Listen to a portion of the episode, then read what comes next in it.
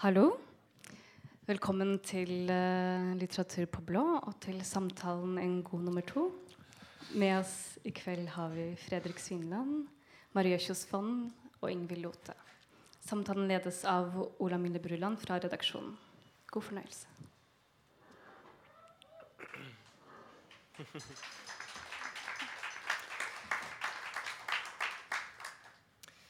Eh, takk, og velkommen til alle dere. Eh, og velkommen til eh, panelet. Eh, og gratulerer. Takk, Fredrik. Fredrik med 'Engelsk tåke', eh, ny roman. Og Maria, 'Kinder Whore'. Og Ingvild, du kommer snart med 'Havfruehjerte'. Eh, veldig kult å ha dere her. Eh, dere er så ulike forfattere. Så jeg var spent på hvordan det skulle se ut med alle samlet her. Eh, jeg ser nesten bare bøkene når jeg ser, dere, ser på dere. Ehm, så det er eh, veldig hyggelig. Ehm, utgangspunktet for eh, samtalen i dag eh, er jo eh, det som er den store fellesnevneren her. Og det er at dere er andreboksforfattere, såkalt. Eh, som henviser oss til myten om den vanskelige andre boka.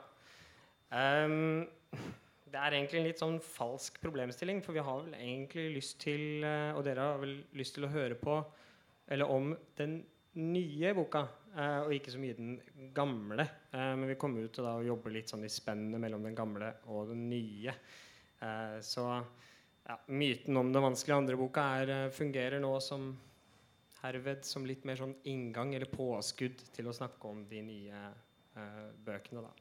Det er jo klart at eh, de to bøkene jeg har fått lest, eh, Maria sin og Fredrik sin, den eh, viser jo til noen ganske tydelige valg som dere har tatt. Og um, dette er vi spente på å høre mer om. Det sier jo også mye om eh, den aktuelle boka. Um, sånn at jeg har lyst til å eh, begynne litt åpent. Eh, jeg vil begynne med å spørre deg, Maria. Eh, det er, begynner å bli fire år siden at uh, din første bok kom ut. Uh, dette har jeg ikke fortalt, jeg har aldri fortalt til noen. Um, det jeg er litt nysgjerrig på, var hva som skjedde i den overgangen. Jeg lurte på om du kunne beskrive hvor lang tid, altså hvor lang tid tok det? Hvilke, hvilke deler eh, Hvilken lyst fra, fra den første utgivelsen var det som hva skal jeg si, unnfanget neste prosjekt? Eh, etter den første så hadde jeg veldig sånn skrivesperre. Ikke sperre, men jeg, jeg klarte ikke å bestemme meg for hva jeg skulle skrive for. Det var liksom ingenting jeg brant for. det. Så jeg brukte et år på å bare prøve å skrive ulike noveller. Eh, som var liksom halvgode, da. Um, og så skrev jeg en tekst til Jeg skulle på scenen på litteraturfestivalen på Lillehammer. Eh, så skrev jeg en tekst om en, en mor og en datter som bodde alene sammen i en leilighet hvor det var på en måte både en symbiose og en, en veldig sterk eh, avstand, og hvor datteren på en måte ble moren til, til eh, moren sin på noen måter. Eh, og den leste jeg opp, og det var for så vidt en tekst som, som var helt ok, men uh, som ikke ble med i boka, men det ble utgangspunktet for den boka her, da. Som, uh, som begynte som en novelle, som begynte å vokse. Uh, den, nå er det blitt sånn det, ble, han, alle anmeldelsene sier at dette er en roman om overgrep og nye Herberg Wassmo og sånn. ikke sant? Og det, jeg har jo skrevet om overgrep, men det var aldri planen. Jeg skulle skrive om en uh, forsømt eh, unge, eh, og om omsorgssvikt. Eh, og så sa redaktøren min at det virker som karakteren din er utsatt for overgrep. Og jeg bare Ja, men jeg har jo ikke lyst til å skrive om det. Det er jo ikke noe hyggelig. og sånn. Men eh, så, så gjorde jeg det. da, Så gikk jeg all in eh, og, og virkelig gjorde det. Eh, så det har blitt en roman om overgrep, rett og slett. Jeg må jo si det at da jeg um, begynte å lese boka, så, så, så eh, ble jeg eh, dratt tilbake til, eh, til den første novellesamlingen din. For jeg fornemmet den samme oppbygningen. Og jeg forventet jo at, noe, på en måte, at det skulle utvikle seg til det verre. Men så var det akkurat som om du fortsatte der du vanligvis ville stoppet. Sånn at jeg, jeg opplevde det først som en hva skal jeg si, en, uh, en, uh, den, en Hvor mange noveller er det i den første samlingen? Sju? Sju. Sju. Som jeg opplevde den som en, en åttende novelle. Mm. Uh, men, så bare, men så vokste den. Og til slutt så kunne jeg ikke se hvor den gikk hen. Og det er jo først helt på slutten at du får denne folden tilbake når de sitter i, i, i det, Eller når Charlotte sitter i dette rettsavhøret. Og, og, og det kommer referanser tilbake til Fahima, som hun har eh, vokst opp med, og, og sånne ting. Så jeg syns det var eh, Det var det, Du jobbet da med en mye større struktur, da. Eh, Ja, da må jeg Mm. forklare litt for de som ikke har lest boka. Da. Ja. Novellene de, de handla om mye vold og brutalitet, og det endte negativt hver gang med fortvilelse og kaos. Eh, I denne boka så utsettes hovedpersonen for overgrep av en stefar. Eh, som hun, hun går, havner i institusjoner, havner i rus, psykiatri, barnevern osv. Eh, men hun, hun anmelder etter hvert. og begynner også å ta opp videregående som voksen og begynner å få et bedre liv. Så det er på en måte en, en mild, happy ending her, da. Eh, og det er jo det som du kanskje peker på at skiller, skiller det fra novellene eh, i, til en viss grad. Eh, og det er fordi jeg har vært veldig opptatt av å utforske dette mørket. Eh, jeg har eh, jeg har ikke hatt noe lett liv selv. Det er jeg ganske åpen om. Jeg snakker ut på, i Dagbladet på torsdag, så da får dere høre. Men, eh, men så vet jeg jo at det kan også bli lettere. Eh, selv om altså, dette er ikke en selvbiografi i det hele tatt. Men, men eh, litt mer optimisme eh, til livet, det følte jeg nok når jeg skrev denne. Ja, Det er jo ikke en klar happy ending, men, eh, men eh, for ting skjer ganske kjapt til, til slutten der. Eh, men jeg, si, jeg gikk ut av det med en ganske vond følelse. Ok, Men- For det er faktisk meningen at det skal være litt happy ending, men det, det Ja. er åpent for tolkning. Det har å gjøre med at det, bare, at det gikk veldig fort mot, mot Mm. slutten. da. ja, nei, det får leseren bestemme selv. Ja. Absolutt. Eh, men hvis vi da eh, går over og, og ser dette i, litt sånn i, til forskjell fra, fra Fredrik her, så, så, så har jo du valgt å ta opp igjen dette sporet som du jobbet med i, i første bok. Mm. Eh, og så lagt til noe som du presenterer eh, helt i starten av boka. Altså dette med faren. Ja, denne åpningssetningen. ja. Mm. Ja. Og hvilke, hvilke valg var det, eller hvilke tanker var det du gjorde deg om eh, andre bok da du satte deg ned for å jobbe med den? Eller? Jeg tror jeg, jeg tror jeg skjønte litt allerede da jeg skrev den første, at uh, jeg hadde materiale til en annen bok. For det selv om 'Pelargonia' er en, en barndomsskildring, så er det, dukker det opp tekster innimellom der som er sånn mm, rett som er fra voksenlivet. Hvor foreldrene plutselig har blitt eldre, og jeg-personen er mye eldre. Eh, Det er ikke så mange av dem, men jeg tror at jeg skjønte da at ok, her, her har jeg liksom nok til å kunne jobbe med en roman uh, når jeg er ferdig med den her. Det var planen hele tiden. Så det var ikke noe sånn, jeg hadde ikke noe sånn der, jeg hadde ikke noe sånn tid hvor jeg måtte sitte og vente på eller tenke på hva det var jeg skulle skrive, eller hvordan jeg skulle skrive det frem. Eller kanskje hvordan jeg skulle skrive det frem, for jeg må alltid etter at hver gang jeg begynner på et prosjekt, så sitter jeg liksom og Jeg sitter og skriver hver dag i et par måneder, og det er bare jeg skriver, jeg skriver dritt hver dag. Bare, det er bare, hver eneste dag er det dritt. Og så, etter to måneders tid, så plutselig så treffer jeg et eller annet, en nerve eller en streng, hvor jeg skjønner at ok, nå, nå, her skal jeg være nå. Jeg, den tonen her må jeg liksom må, må jeg jobbe med. Og da vet jeg at nå har jeg nå har jeg tre toppen fire måneder til å kunne skrive, skrive ut den boka der på.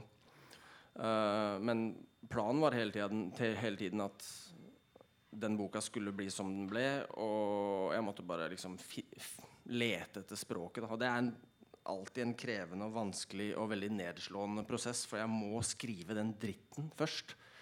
Uh, Og jeg vet, jeg vet aldri om det om liksom, Det er som å famle rundt i mørket, og jeg leter, jeg leter liksom et, etter et eller annet.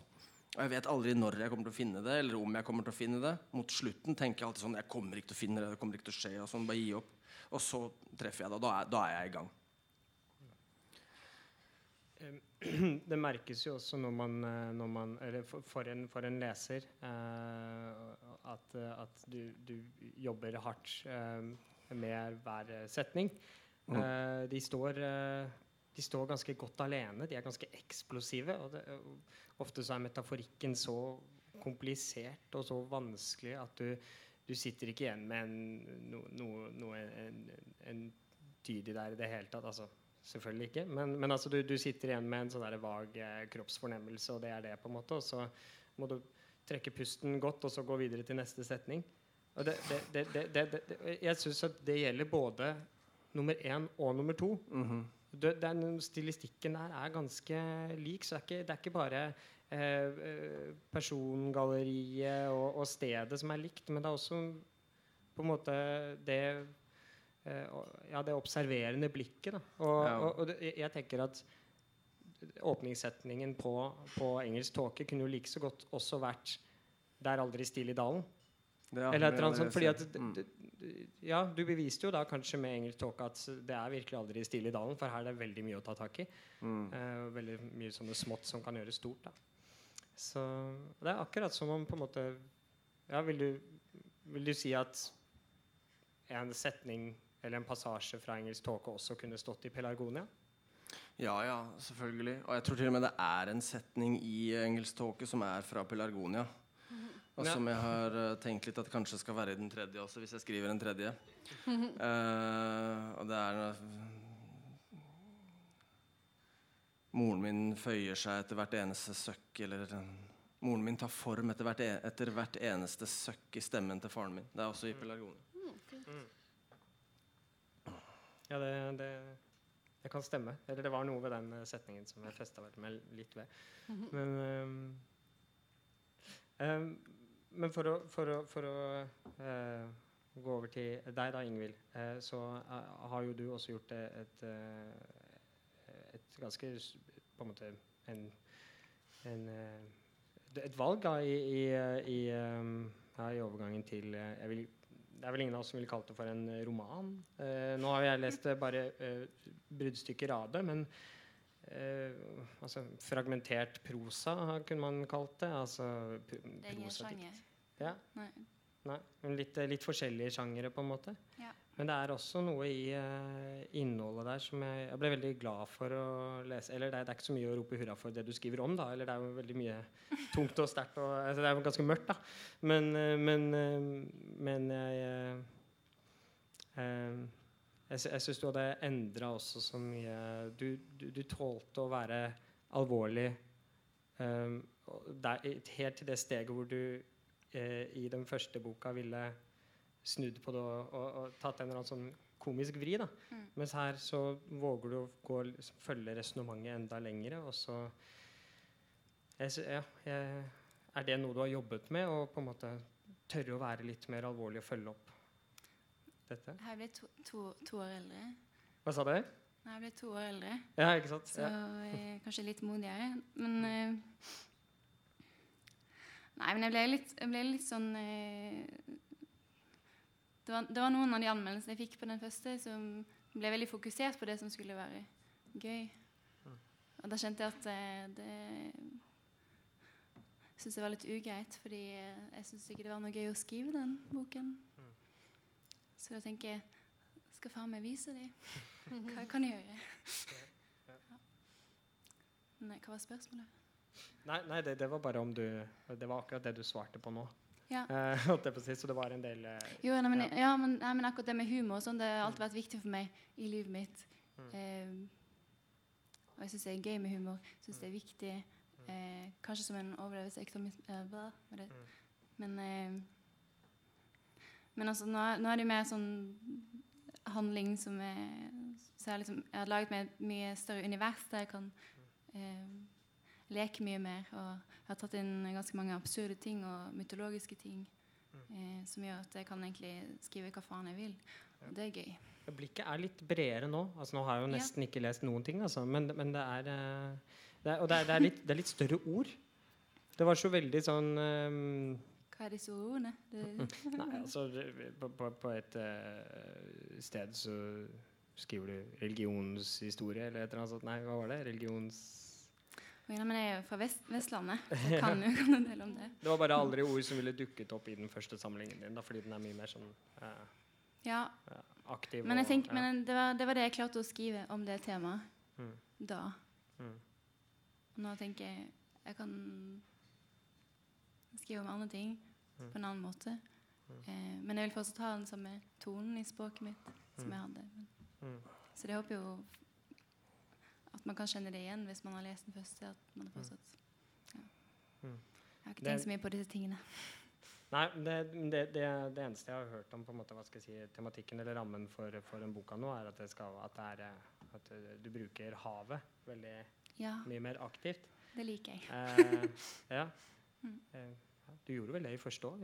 Eller, Jo, men ikke nok, tydeligvis. Nei, ikke nok tydeligvis. Nei, ikke sant? Nei. Mm. Men eh, ja. Ja. Mm. Så det var i hvert fall en del eh, Det var en mye ytre påvirkninger da, som, som på en måte staka ut kursen for, for det du skrev nå, eller var det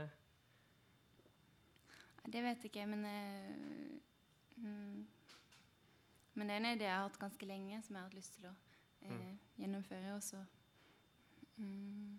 Men jeg visste jo ikke hvordan det skulle bli. Og egentlig var planen det skulle bli helt annerledes eh, Mm. enn det ble. Ja, åssen da? Altså, jeg hadde sånn Post-It-lapp-system hjemme. Mm. Dette skal være med, dette, den og den, den, den, den. Mm. Og så eh, skjer det ting eh, eh, i livet, og så begynner det å handle om andre ting. Mm.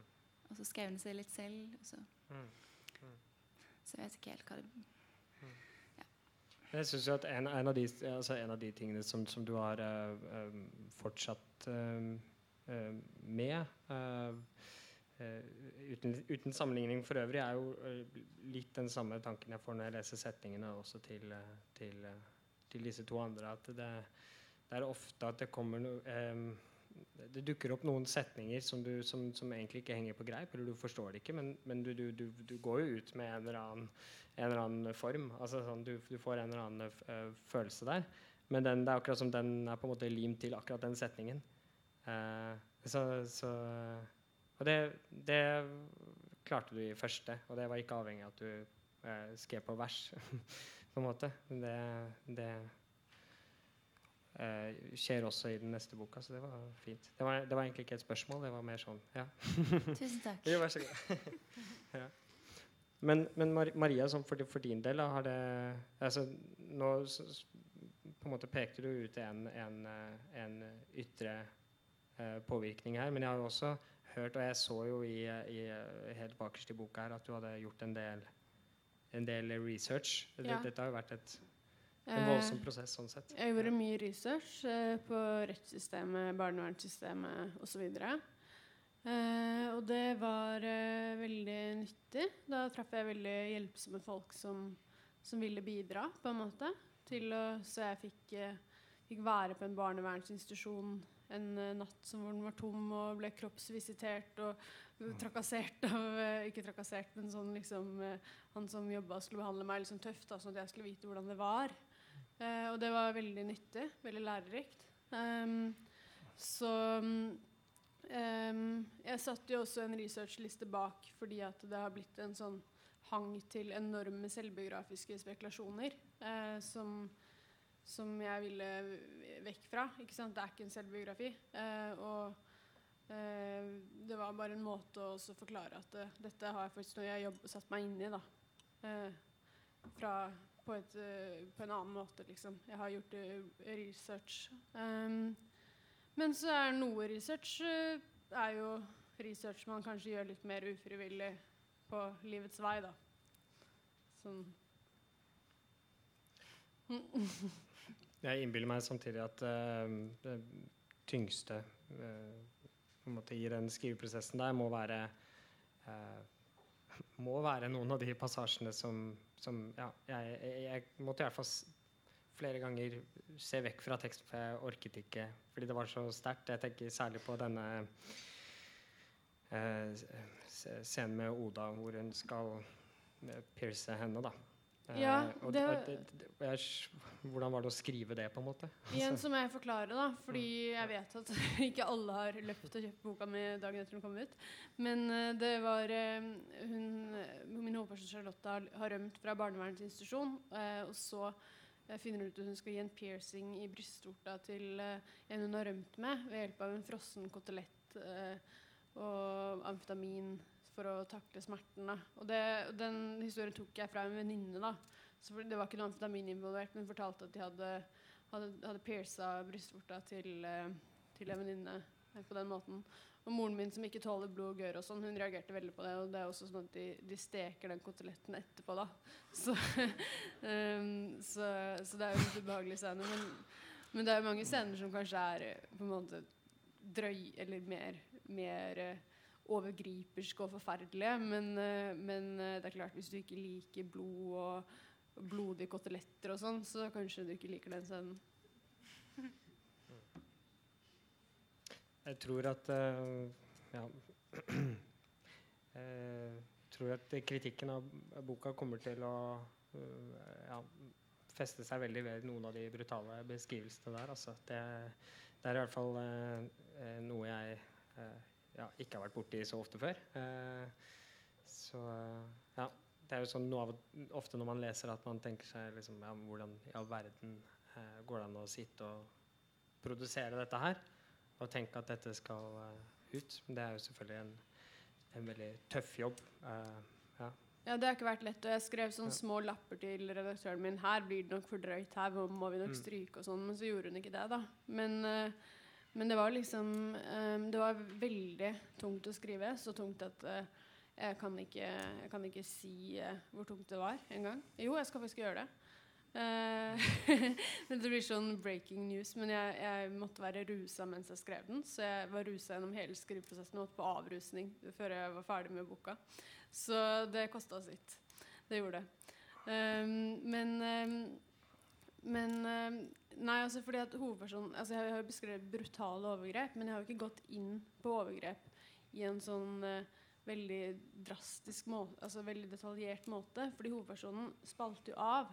Hun er jo ikke til stede i overgrepene. Og det var jo litt det jeg ville skildre. da, At hun, hun, hun har mekanismer for å koble seg av, som hun lærer seg fra hun er liten. før Hun hun utsettes ikke for noe før hun er tolv, men fra hun er liten så lærer hun seg på en måte sånn barneleker for å, for å spalte av bevisstheten. Og det er et fenomen som heter dissosiasjon i psykiatrien, som jeg har møtt mange som sliter med, som også er egentlig ganske vanskelig å forstå hvis du leser om det, men som jeg tenker at skjønnlitterært så er det lettere å forklare da, hva det faktisk dreier seg om.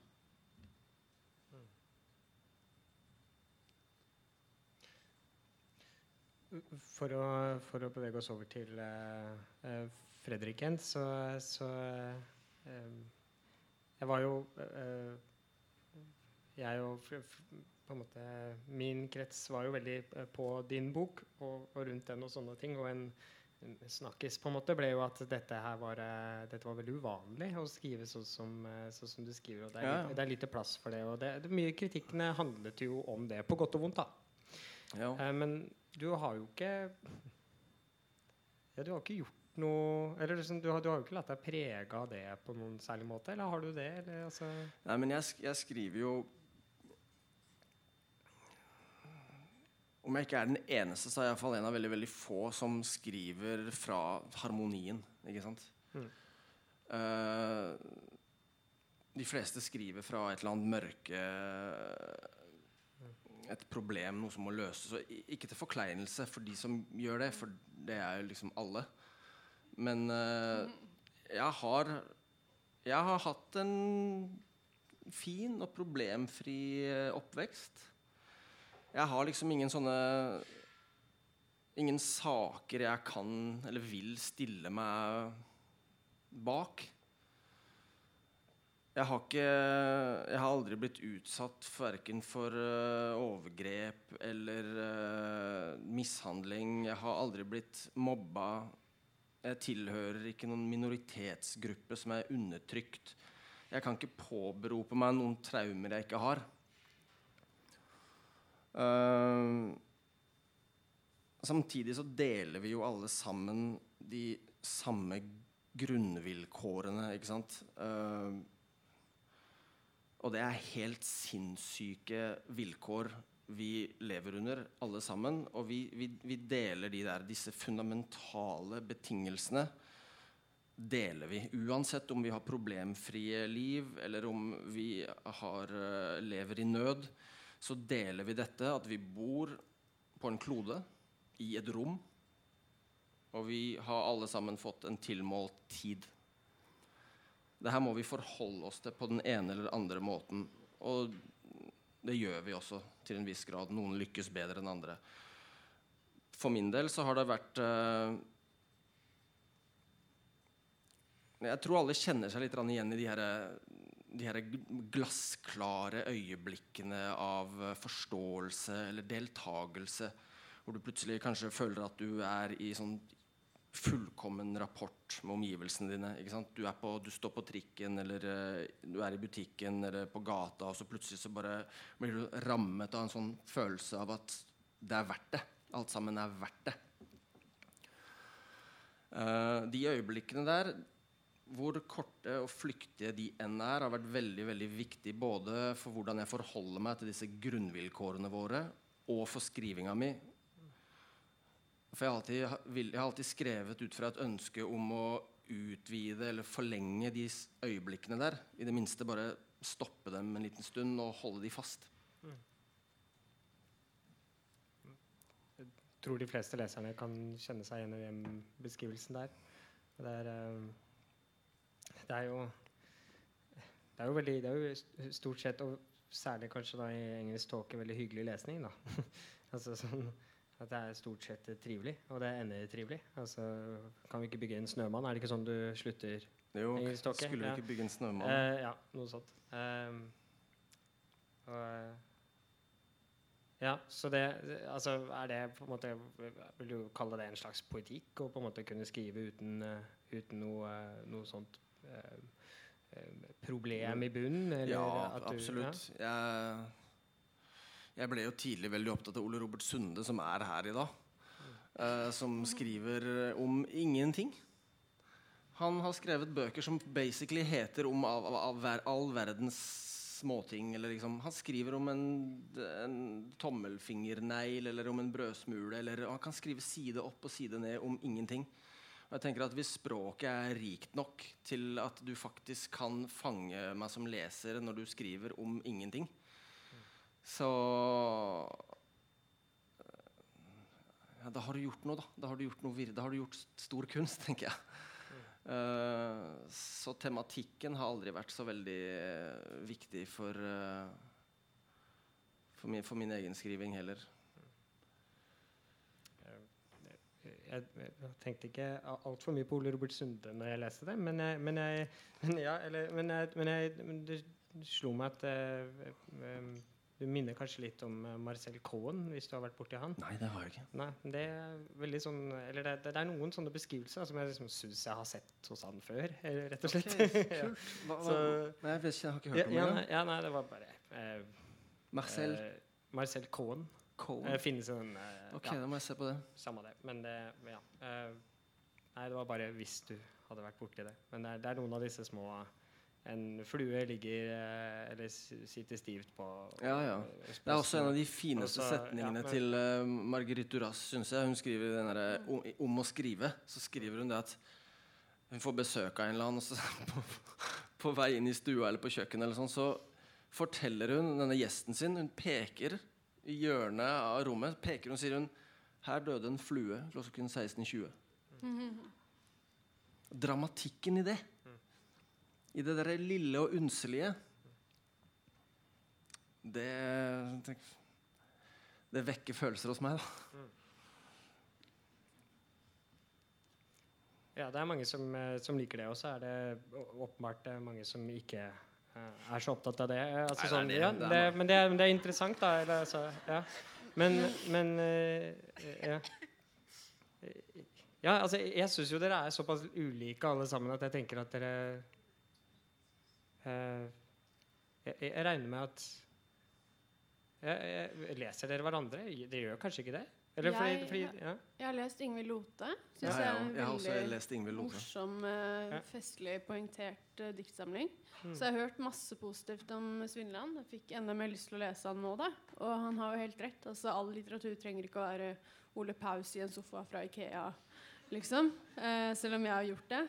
Eh, så, så jeg er helt for at du kan skrive veldig godt om det hverdagslige livet som, som tross alt kanskje de fleste lever. Så det, det skal jeg, jeg skal til og med prøve å høstle at vi kan bytte bok eller noe sånt eh, med Svindland. Ja. Så, ja, han så litt skeptisk ut. Nei, men jeg skal i hvert fall få lest. Det skal jeg gjøre. Mm. Mm, Hva er, dine, hva er dine tanker om dette, Ingvild? Om å på en måte om å, om å ja, eh, skrive om rent hyggelige ting? Altså, du, du har jo eh, Jeg vil si at noen av de utdragene du sendte til meg også, var uh, holdt jeg på å si rene som melk, eller hva det var du det var, Var det hyggelig? Ja. Ja, det var jo det. ja. Uh, så du Nei, jeg skriver det sånn som det er. Hvis det er hyggelig, så er det hyggelig. Hvis ikke, så er det ikke det. Nei, Det kommer og går litt. Det kommer og går, det. Ja. Jeg føler ikke at én ting skal være alt. Nei. Livet er jo ikke Ja. Jeg prøve å være klok, men jeg er ikke så klok, så nå holder jeg kjeft. Men, eh, nei. Nei, men eh, Nei, men den, den er, den er, det er mange hyggelige ting som skjer også i den nye Mm. boken min. Mm. Det er mye om blomster og forskjellige botan bot botaniske ting. eh, Dyr. Veldig hyggelig. Um, det er en sjimpanse, det er en hest der, det er en hund. Er ting som jeg syns er hyggelig, så kan folk se om de syns det er hyggelig. Jeg tenker på det du sa om humor. da Fordi jeg, jeg brukte en del humor i novellesamlingen min. Eh, og så prøvde jeg å bruke humor i den her, da. Men så innså jeg på et tidspunkt at det ble ikke morsomt, det ble latterlig. Så jeg måtte fjerne ganske mye. Så den, den, da måtte jeg ta vekk litt humor. Eh, det er noe med timing, da. At, Ja. det Jeg liker humor. Men du har også tona ned humoren i din neste Jeg føler ikke det var så mye humor i den første. Det var noen som bestemte at det var det. Det var jo det. Det var jo sånn der, Det var jo ikke det. Hvis du, sier at hvis er det, det spørs hvordan du leser det. Du kan lese det på forskjellige nivå. Du kan lese det på det nivået. Del det. Ja. Og du velger det første. Det er ditt problem. Jeg valgte det første. Det er ja. mitt problem. Det Greit. det. Jeg syns ikke det er noen morsom bok, men uh, folk er veldig glad i å uh, legge merke til det de vil. Men ting kan jo være både morsomt og alvorlig, da. Ja. Absolutt. Jeg bare sier at eh, det er ikke en morsom bok. Nei. Eh, men eh, det Ja. Sorry. nei da, det, er- det er interessant. Altså, ja. Eh, for, altså, for min del så kom altså grunnen til at eh, første bok blir så uh, vittig, på en måte, er vel bare at den er så utrolig rask. Uh, det er ikke eh, på en måte dikt jeg leser sakte. Det, det funker ikke. Det er, eh, altså, og det, jeg vil ikke skylde på aktive setninger eller noe sånt, men, men det er bare en sånn ag veldig aggressiv tone der. Da. Det går kjempefort. Men det er litt og aggressivt, det merker Ja. du. Ja. det er bra ting, da. Ja. Men, uh, Men jeg bare sier at man ja. kan, man kan lese ting i det laget man har lyst til å lese det i. mm, Hvis du vil finne det, så finner du det. mm, Hvis du vil finne Mm. Altså, sånn er det med alle ting. Hvis du vil finne det meningsløse i noe, så finner du det. mm. Hvis du vil finne det morsomme i noe, så finner du det. Men hvis du Jeg vet ikke. Det handler om eh, blikket, da. Men de Mm. mest tragiske situasjonene i livet har jo ofte et komisk skjær, da, tenker Ja. jeg. Det er min, in, in, min inngang, da. At uh, Ja. når jeg virkelig skal fortelle om det mest dramatiske rennesteinsopplevelser, så er det alltid jævlig morsomt. Så jeg tror det er noe der. Og at en- enhver bok trenger et eller annet tilsnitt for humor. Jeg tror, jeg tror Redaktøren min sa til meg en gang at en, bok, en forfatter som ikke ler av noe, han har forstått alt. Uh, og en som forstår alt, er jo bare helt usmakelig. Og en bok som har forstått alt, er også helt usmakelig. Så selv om boka di er alvorlig og dyster, kanskje til og med, så bør den ha små glimt av humor uh, gjennom seg. Mm. Men det, det føler jeg meg trygg på at du har, da. Eller at Ja, ja, det, det- kommer an på hvilket lag jeg velger å lese i, da. Men uh, Snakker du til meg? Ja, at du Kanskje ikke? Men det er som Ingvild sier òg, at eh, eh, en bok er jo det er, det er ikke én ting som bare ikke går an å tolke på andre måter enn den, hvordan den er. Den, den, den boka er like mange forskjellige bøker som det er folk som har lest den. Ja, Det skal jeg virkelig skrive under på. Det er ikke sånn at den boka er én ting. Nå ble jeg spurt om å skrive et essay om boka mi til Klassekampen, så da skal jeg gi alle en tolkning av hvordan boka er. Sånn at det er opplest en gang for alle. Ja, jeg skal ikke sitte og utfordre det, eh, men, eh, men, eh, men for å gå over på en litt sånn annen dimensjon da, av, av på en måte denne, denne prosessen opp mot, opp mot denne andre boka, så, så jeg jo litt sånn Jeg blir jo litt nysgjerrig på hvordan på måte, kommunikasjonen med ja, redaktørene deres rett og slett har vært nå. Eh, første gangen så var det jo ikke på en måte gitt at, det skulle, at dette skulle utvikle seg til å bli, bli et uh, forfatterskap. At det skulle på en måte uh, ha en, At det skulle bli en lengre reise, da. Men det har det jo nå blitt. Er det noen forskjell med, med, i kommunikasjonen mellom redaktør, redaktørene deres nå enn det det var? Hvert fall en forskjell i måten jeg har jobba på, som egentlig er litt omvendt av hva man skulle tro. For da jeg skrev novellene, så visste jeg hva jeg gjorde. Jeg hadde en plan, og jeg leverte ganske ferdig utkast. Men her så var det Det var mye som var ganske dårlig, faktisk. Eh, det var mye Redaktøren min strøk 50 sider, og det var eh, veldig bra at hun gjorde det. Eh, det var eh, men, eh, men husker jeg, jeg, jeg skulle liksom jeg skulle liksom ut av den samtids vanlige samtidsflowen og skrive noe om Bibelen, Samson og Dalila, da. Men da satte redaktøren min foten ned. Så det ble tilbake til, eh, til oppvekst i dag. Ja. Ingvild, hvordan har eh, Hva tenker du om eh, ja, fortsettelsen Om redaktøren min? ja, ja. Jeg vet jo på en måte hva du tenker om den, men Han er helt konge. Ja. Eh, det, det jeg har merket nå, det kan være fordi jeg har vært litt eh, sent ute. Det har alltid, det har alltid vært det. På skolen, hjemme til middag, alltid. Men eh, kanskje at jeg har fått litt mer slack denne gangen. Okay. Så jeg Litt liksom mer slack. Ja. Mm. Og det jeg følte han kanskje har stolt litt mer på uh, ting jeg gjør. Og Mm. ja. vet han hvor uh, kvaliteten og potensialet ditt ligger, kanskje? Nå mer enn han gjorde før? Men jeg syns spørre han òg. Men jeg, jeg har Ja. følt at eh, han stoler mer på meg eh, enn kanskje første gangen. Mm. Eh, så det har vært eh, flere av de tekstene jeg leverte i boken, som han har vært sånn Tenker gjennom mer med den teksten. Den er fin. Og sånn var det ikke første gangen. Da var det veldig mye som ble kuttet, og halve boken ble kuttet. Ja, Men eh, nå er det Ja. Så, så det liker jeg. Du fikk ikke noe slack? eh, Nei, Fredrik? jo, nei, egentlig ikke. Jeg mistenker at redaktøren min, da han leste eh, manuset til Pelargonia, tenkte at ok, det her er en potensiell Vesaas-vinner. Så han, tok seg, han var, gjorde seg veldig flid med liksom, det manuset, og jobba masse fram og tilbake gjennom hele den våren der. Så jeg tenkte at ok, det her sånn kommer det til å bli liksom hver gang. Men uh, andre gangen så var det litt mer sånn Følte at jeg sto litt mer på egne ben, og sa han også du må stole på deg selv. Og, må, ja. Eh, men første utkastet til engelsk tåke ga jeg han i, i fjor mai, i mai Nei, i forfjor i mai. Og da sa han at det her kan, det går ikke, liksom. Det, det, det her må, må vi jobbe. Unnskyld at jeg spør, men hvordan da? Nei, altså at det var bare Som han, han sa, det, du må, det må være med i jorda. Jeg skjønte ikke hva han mente med det. Og liksom var litt sånn synt på han på Høres ut som Märtha Louise ut. Vi skal jorde oss, liksom. Ja, at det må liksom litt mer ned på jorda. Og så, hva er du med, kan du ikke være litt mer konkret? og sånn, Så jeg skjønte ikke, Kan du ikke bare si det rett ut? Men, så- men, ja. men det var jo bare det var bare det at det var dårlig. ikke sant? Eh, og så jobba jeg et år, uh, et år til. Og så skjønte jeg jo hvorfor, hvorfor han hadde sagt det han sa, og var veldig veldig glad for det. Tusen takk, tusen takk for at du stoppa den den hva, første. hva, hva var svaret på det, da? Svaret på Nei, På hva som hadde vært så dårlig? Nei, bare det at det var liksom litt for vidløftige vendinger. Og liksom, Det hadde ikke noe, hadde ikke noe sted. Det, hadde, det handla virkelig ikke om noe. Ja, men det gjorde ikke Pelargonia heller. Og sånn, sa jeg. Ja, jo, men det, den hadde i hvert fall Kom igjen, da. Ja, grunnen til at jeg spør, er bare det at det inntrykket man får når man leser de bøkene, er at så lenge du har fått satt punktum, så er det, det er bra nok innenfor din sjanger. da, eller sånn der, eller, du har jo veldig mye frihet. Du kan jo egentlig skrive hva du vil. Ja. Eh, ikke sant? Ja, han sier, han sier jo også det, Sigmund, som redaktøren min heter, at når, etter å ha lest manus, når han leser manusene mine, så sier han sånn Herregud, når jeg leser deg, så tenker jeg sånn at det her, at det her er jobben min.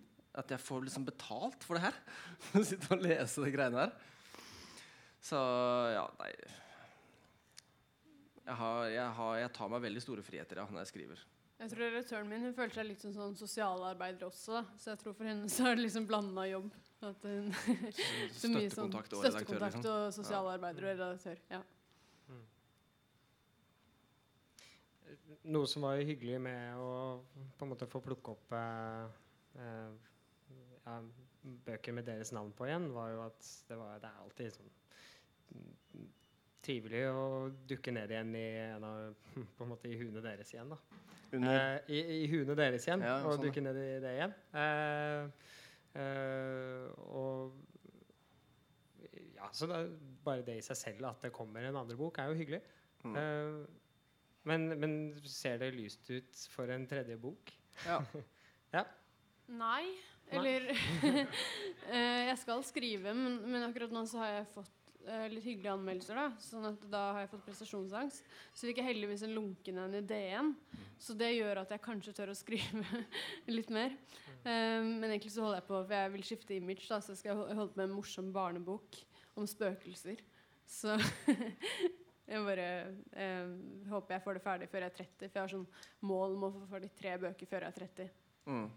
Hvor gammel er du? Jeg er 28, så det skal egentlig holde hardt med mitt tempo. da Men eh, med barneboka, kanskje. ja Jeg har, jeg har begynt å lefle litt med tanken om å slutte å lese anmeldelser. For det, uansett om de er gode eller dårlige, så de, det er ikke noe du kan bruke til noe. Jeg har faktisk lært noe av det.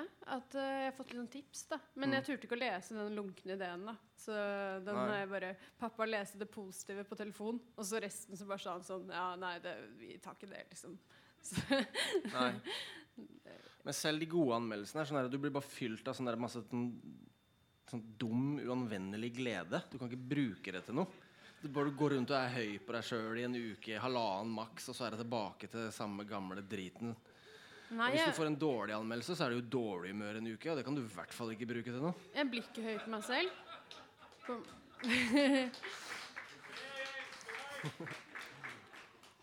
Jeg blir liksom bare glad hvis det er en god lesning, da. Men uh, hvis det er en dårlig anmeldelse, så, går jeg veldig, så, så tar jeg det veldig mye tyngre. Det kan være sånn fem veldig gode anmeldelser og én dårlig anmeldelse, eller en, en halvgod anmeldelse. da Ja. Og da er det den, den halvgode som jeg husker i fire år Ja, etterpå. Det vet jeg veldig godt.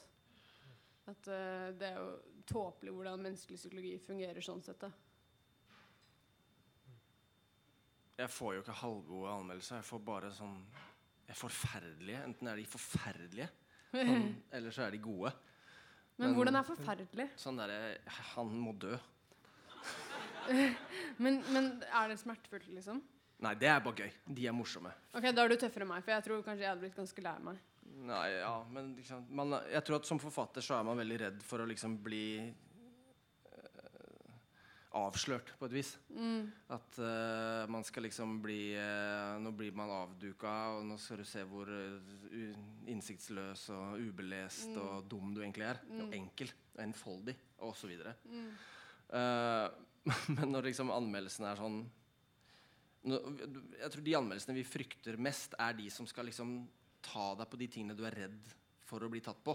Ja. Mens hvis det er sånn enten hatske ting, eller de ikke åpenbart har eh, forstått hva du har skrevet, eller følt det på den måten du har vil, villet det, og så, og så blir de sinte på sin egen utilstrekkelighet, det er jo unektelig ganske gøy.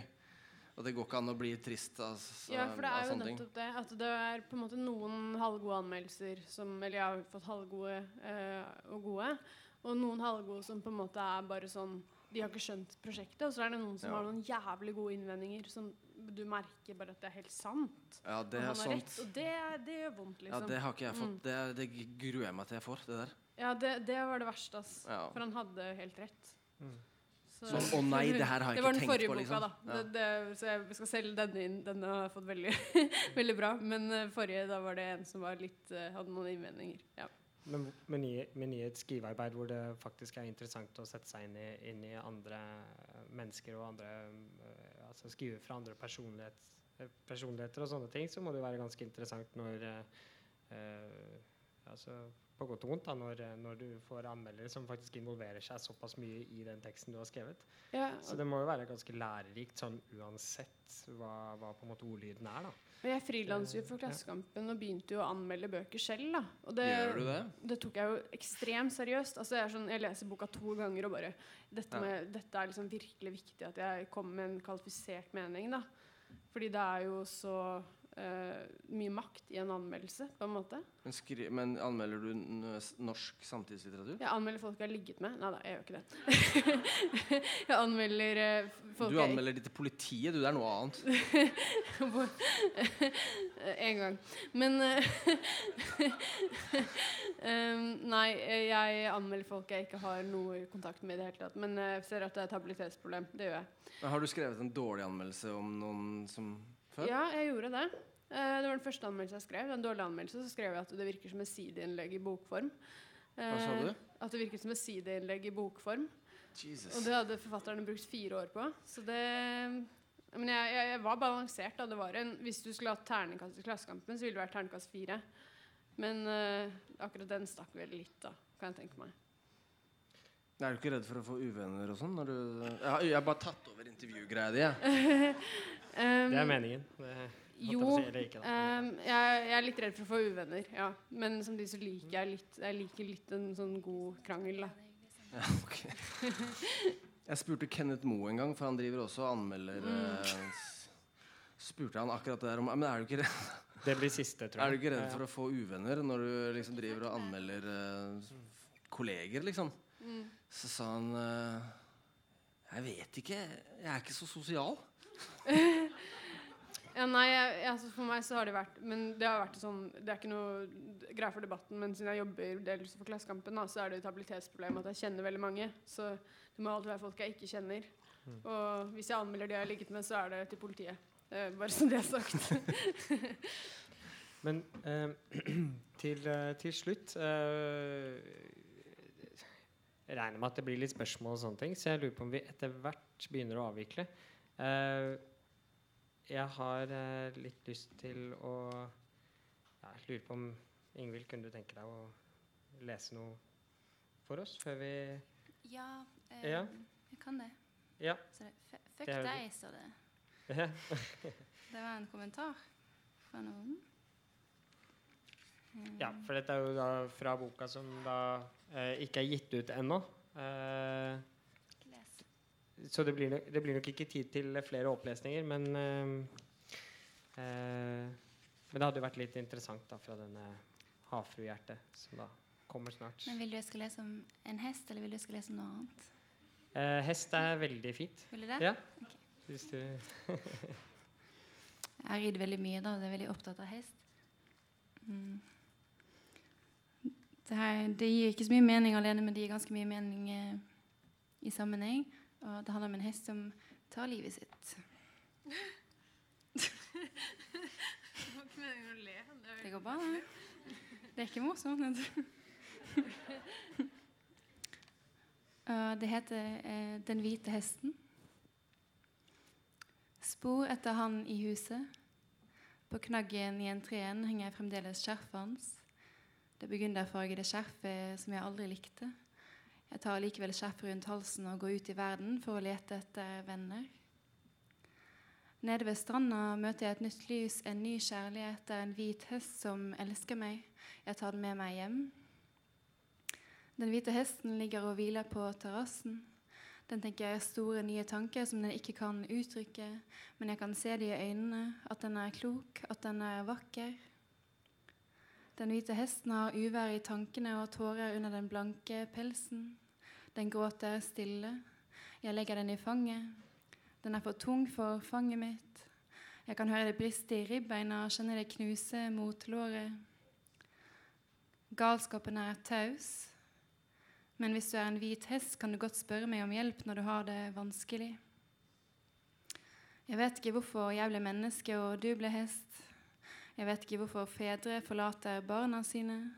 Jeg vet ikke nok om dyrene eller dyrenes eventuelle betydning for oss mennesker. Derfor gråter jeg. De store øynene ser forundra på meg. De aner ikke hva sorg er. Den hvite hesten blir utydelig og bløt foran øynene mine før den forsvinner og blir borte. Den hvite hesten løper ut i veien. Sjåføren klarer så vidt å styre unna før bilen treffer treet. Sjåføren besvimer. Den hvite hesten traver videre. Jeg brenner. Huset i drømmene mine brenner. Bilen brenner. Sjåføren brenner inne i bilen. Den hvite hesten over slettene, tung som månen, svart som vemod, rein som kull. Det glitrer i gresset. Den hvite hesten og tyngden, det tunge hang nedover panna som et lokk. Den hvite hesten har gitt lys til verden, men nå er den trøtt. Den går seg vill blant alt det grønne i det bleike lyset.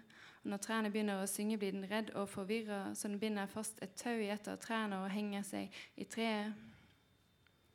Etter tapet dekker sorgen ansiktet. Sorgen er over oss og under oss og inni oss, som et dyr i bur. Den må ha luft. Vil du vite hvor tung man blir når man gråter, har du husket å høste inn alle eplene. Det. Skal jeg lese mer? Takk. Eh, Du må gjerne lese litt til hvis du vil det. Ok, det er. Ja. Siden dere har snakket høyere. altså. Ja. ok. Hva er litt rart med.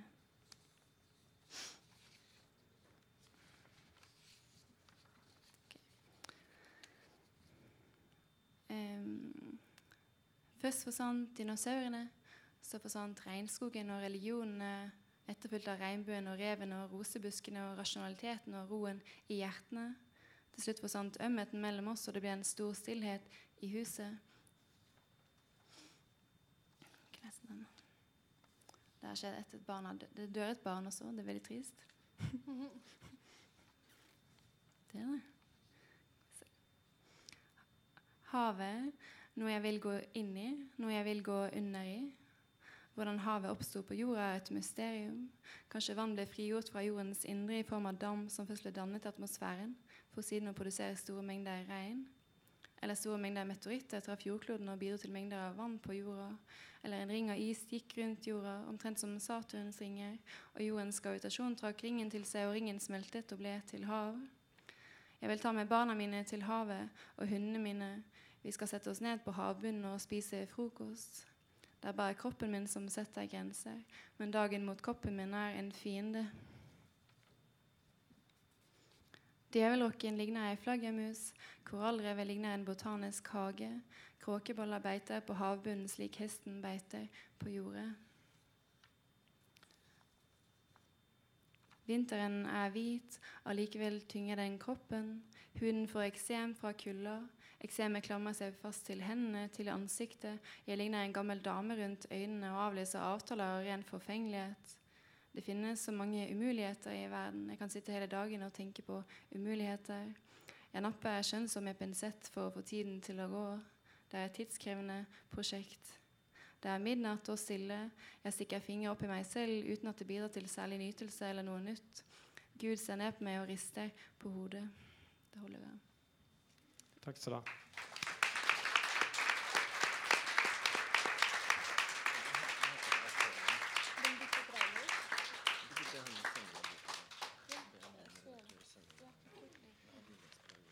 Takk for det.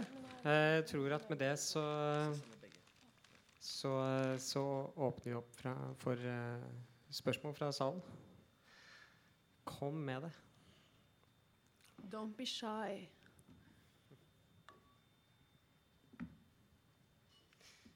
Yes.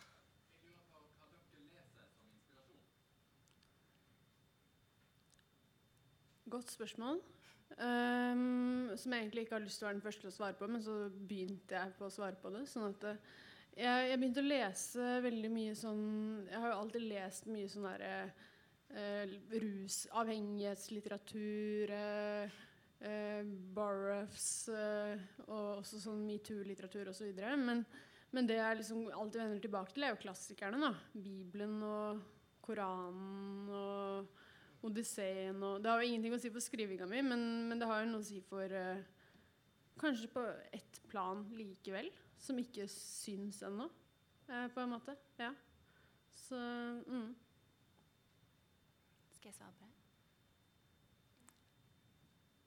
Nei, jeg leser, jeg leser veldig mye eh, poesi, da, først og fremst. Eh, mye skandinavisk samtidspoesi liker jeg. Mm. Klaske Nei, liker det ikke så godt. mm. Vil du ha navn, eller? OK. Mm. Skal jeg nevne noen, noen favoritter, så er det kanskje fra Sverige. Hva si eh, Jenny Tundal, Hanna Hallgren. Eh, Danmark kan si Olga Ravn. Astrid Olivia Nordhoff kan si eh, Pernille Abdel Dayem. Um, veldig mange damer. Det liker jeg. um, Daniel Dellegård, er fantastisk. Han er også dansk. Um, ja. Mye poesi, generelt poesi liker jeg. Ja. Jeg oppsøker, oppsøker også mye poesi uh, selv om jeg skriver prosa. Jeg er glad i japansk. Mye japansk. Uh, mellomeuropeisk, tysk og sveitsisk litteratur. Og nordisk. Uh, navn kan jeg nevne Yonichiro Tanizaki, uh, Kenzaburo Oe Takashi Hiraide. Uh, europeisk Robert Waltzer, Stefan Zweig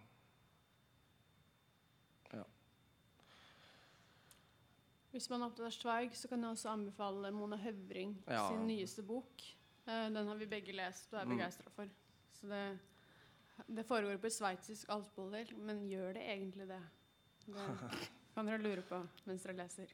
Mm. Ja, Mona Høvring og Ole Robert Sunde, eh, Rune Kristiansen Josefine Klogart har vært veldig viktig for meg.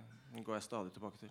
Sara Stridsberg for min del. Hvem? Absolutt. Sara Stridsberg uh, syns Ja. jeg har vært veldig viktig. Og Linda. Knausgård. Eh, Mm. Og så lest veldig mye kvinner, da. Toni Morrison også er en sånn stor helt. Ja. Og poesi Celan.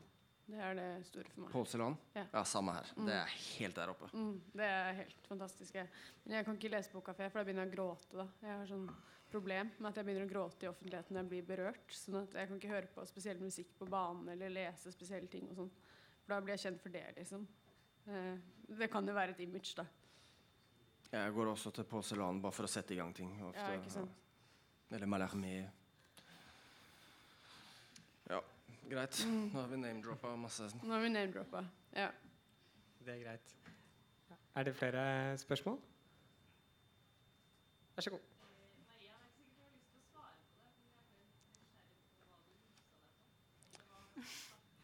Jeg har ikke lyst til å gå i detalj om hva jeg rusa meg på. Jeg kan si det var mye forskjellig. Um, og at uh, rus gjerne har måte vært min måte å takle uh, traumer og angst på. Uh, det har vært uppers og downers og, og sånn. Eh, mye piller, ja.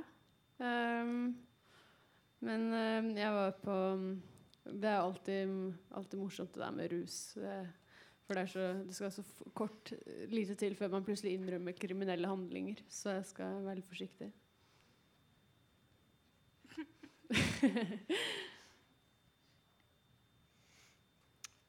Vær så god. Hva sa du?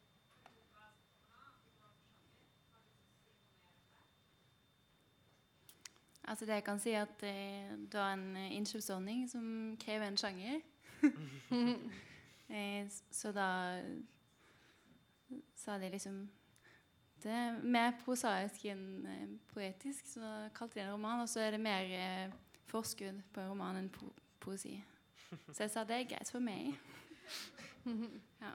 Men, men jeg har, jo altså, det finnes jo mange romaner som ikke er sånn klassisk roman. Hvis du har lest Anna 'Anne' av Pål Helge Haugen, eksempel, som er en punktroman, som er en fantastisk roman, så tenker jeg Hvis jeg skal skrive en roman, så blir det en, eh, den typen roman. Ja. er sånn 800 sider for meg. Det kommer aldri til å skje.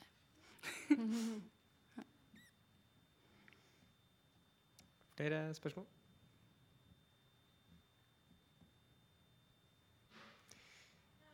Ja, der var det to. Ja, vær så god. Mm.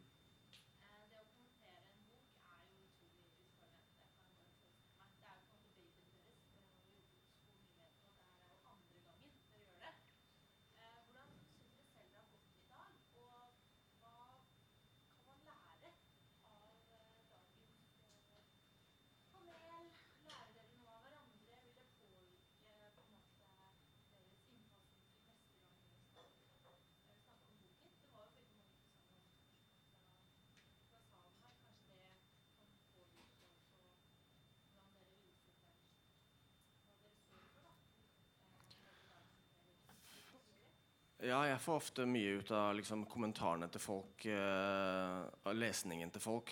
Og jeg bruker av, av og til så bruker jeg ting som folk har kommentert, sagt, eller liksom måten de har lest tingene mine på, bruker jeg senere i intervjuer som om det er mine egne ting som jeg har kommet på.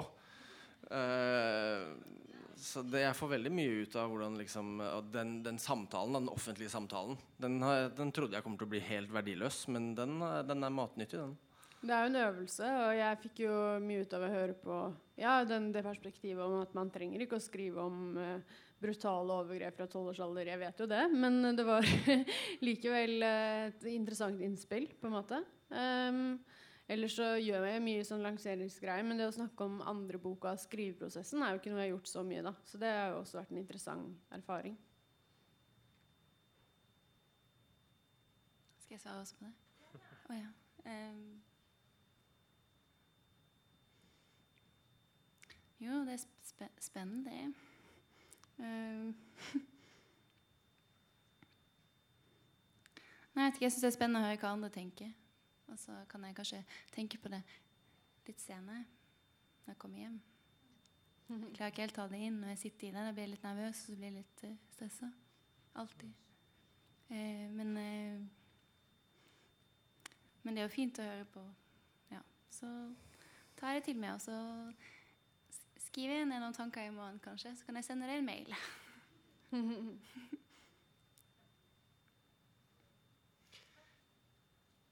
Var det et aller siste spørsmål der? Ja.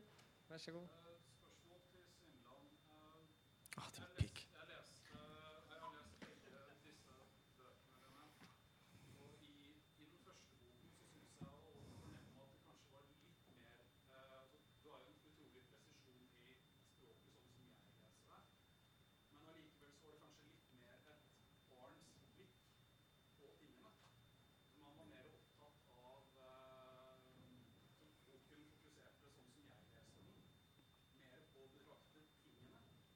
Mm-hmm.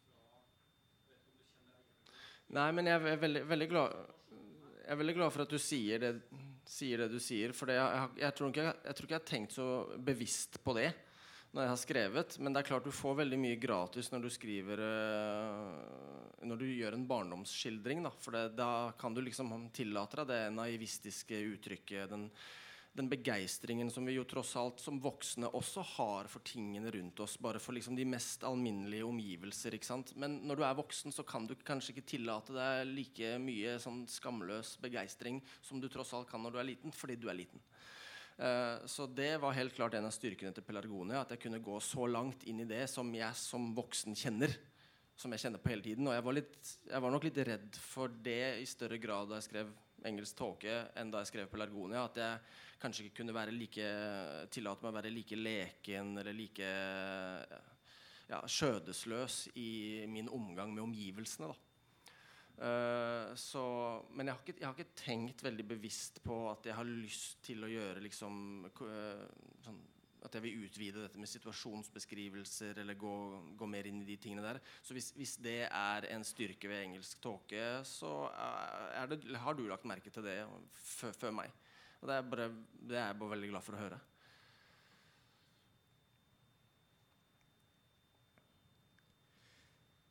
Da tror jeg eh, bare at vi eh, ønsker dem eh, lykke til.